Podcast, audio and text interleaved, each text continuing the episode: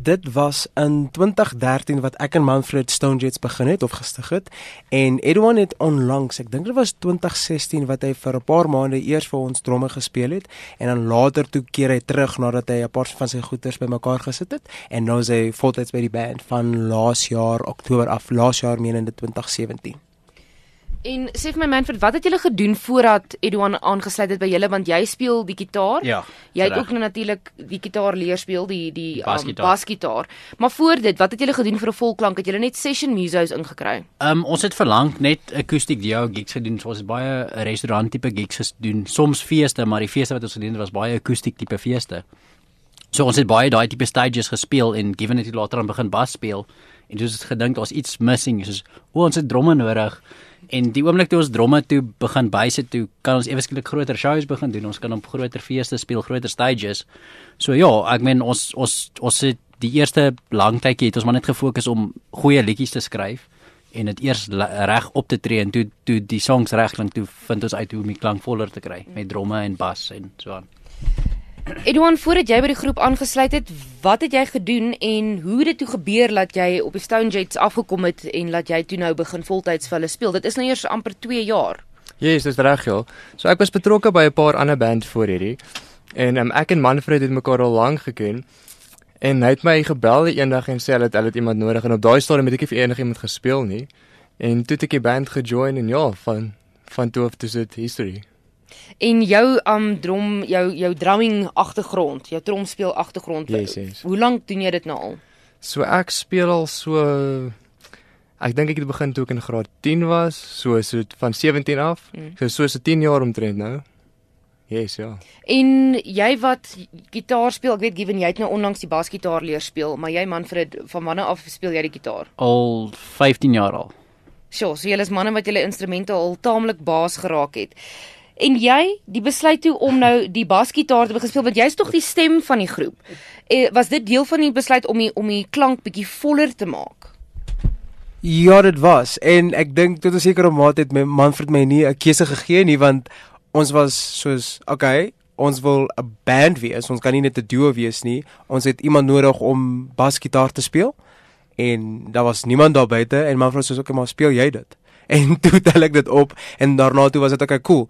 Die ander een is nou klaar. Kom kry ons, kom ons kry vir ons 'n drumspeler en boom, toe kry ons vir Edwan en daar sê, toe maak ons alles vol. Ja, en en dit dit was nog as 'n 'n 'n bietjie van 'n tamaletjie vir my gewees want ek moes sing en ook bas speel en die basgitaar is iets ek ben enige iemand wat 'n instrument speel en moet sing sal verstaan dat dis twee goed wat jy gelyktydig moet doen.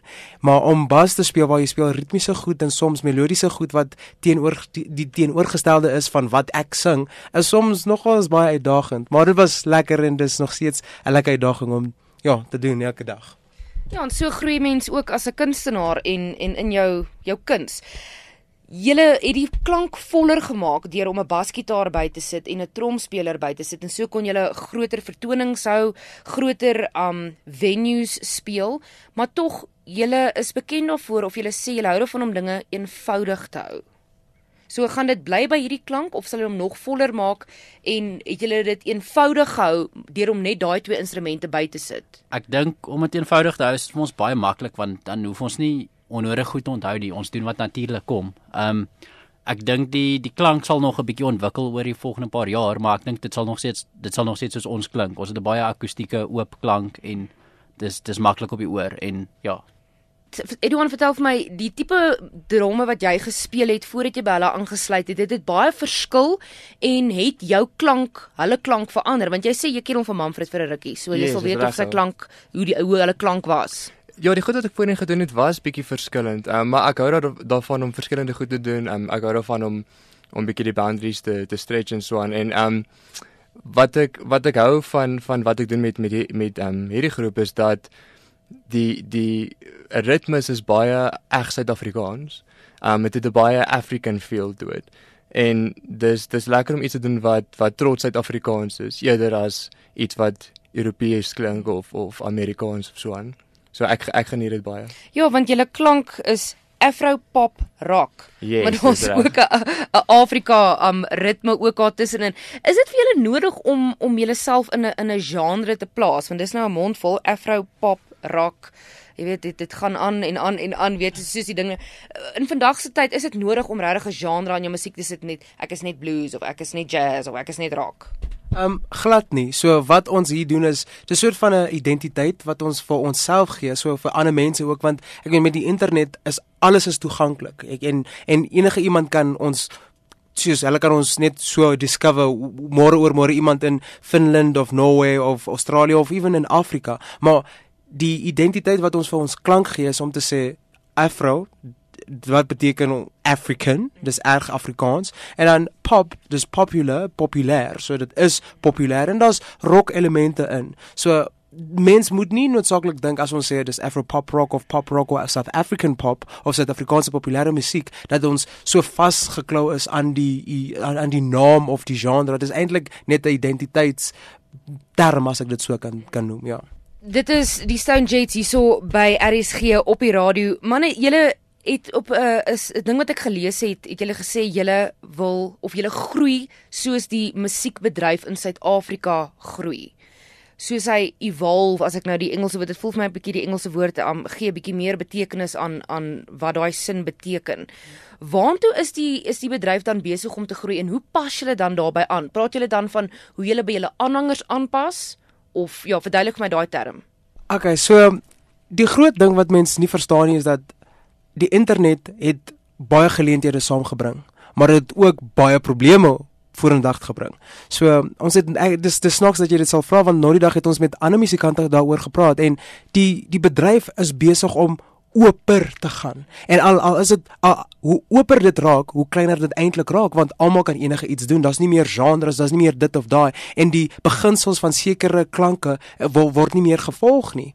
Nou wat dit beteken is mense kry nou 'n groot palet van klanke wat hulle nou mee kan speel en baie verskillende tipe musiek wat wat wat, wat hulle na kan luister in verskillende kulture. Nou wat ons doen as Stone Jets is ons kyk nommer 1 na Suid-Afrika. Suid-Afrika se bedryf is nog besig om te groei.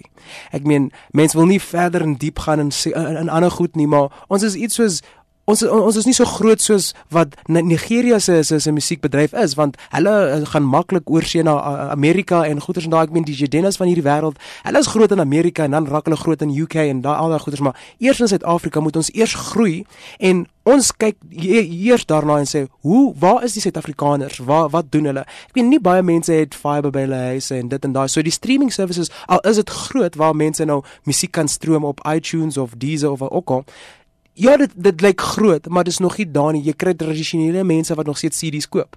En wat ons doen is, ons kyk na daai mense, ons kyk na ons ouers, ons broers, ons ouers, susters, ons vriende en ons en ons kyk na hulle en sê, "Maar ons is Suid-Afrikaners. Ons maak musiek vir Suid-Afrikaners. Hoekom kan ons nie ons stories vertolk en dit in 'n manier gee vir Suid-Afrikaners wat hulle dit sal verstaan en nie in 'n manier wat Amerikaanse mense of Britse mense vir ons sê, "Ja, maar dit moet so gedoen word. Jy moet stream, jy moet daai." So ons groei soos wat ons mense ook groei sodat hulle kan sien ons loop hierdie pad saam.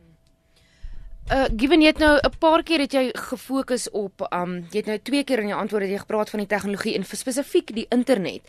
Um Manfred sê jy vir my is dit iets waarop jy fokus is is die internet en die vooruitgang van tegnologie. Jy het nou gesê van hoe die Suid-Afrikaners is in vergelyking met die Amerikaners en um die mense in Engeland. Maar wanneer jy kyk na na byvoorbeeld hoe jy hulle bemarking doen, is dit iets waarop jy fokus? Um ons probeer te veel nie dit beplan nie. Ons probeer dit baie organies hou. Ehm um, want ek meen in die laaste 10 jaar Suid-Afrika het regte waar opgevang met die res van die wêreld mm. te danke eh, met die internet met YouTube en iTunes en al hierdie goeters. So Suid-Afrikaners moet baie vinnig aanpas en ehm um, daar's baie kunstenaars wat ewe skielik 'n normale kunstenaar was en 'n week later was hulle die huge internasionale kunstenaar. So ehm um, Suid-Afrikaners moet leer om baie vinnig aan te pas en ons probeer dit gebruik in in 'n manier wat soos ons ons musiek is. Ons probeer dit eenvoudig hou sodat as mense ons sien op die internet, dis dieselfde mense wat hulle op die stage sal sien, is dieselfde song wat hulle op die radio sal hoor. En dit is dis, ons probeer alles op dieselfde vlak hou. Julle het twee EP's uitgebring. Um vertel vir my, hoekom die besluit om twee EP's uit te bring en nie net een volledige album nie?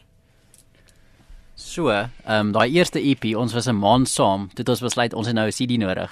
Ons gaan nou sou vinnig in studio te maak ons hierdie CD en nou toe ons asof van daai CD het ons toe die band gevorm en dit het toe vir ons ons identiteit gegee as Stone Jets en toe het ons toe lank daaroor gedink ons die songs begin speel en toe toe ons meer songs begin skryf, toe besef ons watse tipe liedjies ons eintlik rigting ons wil gaan en dis toe die tweede EP What I Say uitgekom het. En die rede hoekom ons EP's doen, um EP's is is vinniger om uit te bring. Jy kan meer eksperimenteer. So jy jy waar 'n album sal dalk 'n jaar vat om te maak en in daai jaar sal jy dalk 'n ander rigting wil gaan waar EP is is goed om te toets. Like mense die goeters, wat is wat sê mense van die liedjies? Ehm um, waar ja, ek dink ons is nog nie heeltemal reg vir 'n vollengte CD nie. Ek dink dalk eers volgende jaar. So ons ons gaan nog 'n EP uitbring hierdie jaar wat teen Junie sal uitkom. En julle planne vir die res van die jaar, given julle sit aan die begin van 'n van 'n fantastiese jaar wat voor julle lê. Enige optredes, want julle julle het al op groot plekke ook opgetree en saam met groot mense, um groot name in die musiekbedryf 'n uh, verhoog gedeel. Planne vir die jaar wat vorentoe lê, feeste en en so aan. Ja, ons het 'n baie baie lekker jaar wat voor ons lê. Um ons het nou die dag 'n uh, bevestiging gekry vir Splashy Fen, die fees in KwaZulu-Natal of die Underberg soos mense dit sal noem. Uh en ons gaan daar speel. Ons sien uit en wat ons doen is ons beplan 'n hele toer rondom dit. So ons gaan eers 'n paar datums hier en daar speel voor ons um die dag wat ons daar gaan speel speel. So daai is die een van die ander feeste. Ons het voor die jaar het ons Up the Creek in Kaapstad gespeel. Dit was baie lekker geweest. En daar's nog 'n fees wat opkom in in die Kaap met die naam van Off the Grid. Dit is deur Camp Hill Village. Hulle sorg vir vir mense wat wat baie mense wat wat, wat baie mense na na laat in in in in die omgewing. So, maar anyway, ons gaan daai ene speel uh, saam met the Kiffness en 'n paar mense. So dit gaan lekker wees. Dit gebeur die 17de Maart. En dan gaan dan beplan ons nog om 3 keer Joburg toe terug te keer. Ek meen ons ons ons, ons sien nie Johannesburg as hierdie ferme plek waar waar ek meen as jy in die Kaap is en daar's niks water en jy sit daar en jy dink, "O, oh, maar daar's net 5 uh, venues in die of of musiekplekke in in in die Kaap. Waar kan ek speel?" Joburg is net dit is net hier. Ons is Suid-Afrikaners. Kom ons gaan besoek vir Johannesburg. So ons gaan so 3 keer nog Johannesburg toe kom en ons gaan ons ons beplan 'n Ooskus toer weer na um Mossel Bay, Plattenburg en dalk einde van die jaar gaan ons weer um 'n hele Ooskus toer doen wat ons laas jaar gedoen het. So daar's baie goed en dan daar's nuwe musiek wat uitkom. Daar is musiekvideo's wat ook gaan uitkom en ja, ons het en en en en 'n paar goed wat ons nie mag noem nie. Uh maar mense moet maar net vir ons op Facebook of Instagram met Stonejets gaan check en ons gaan baie goeders daarop sit.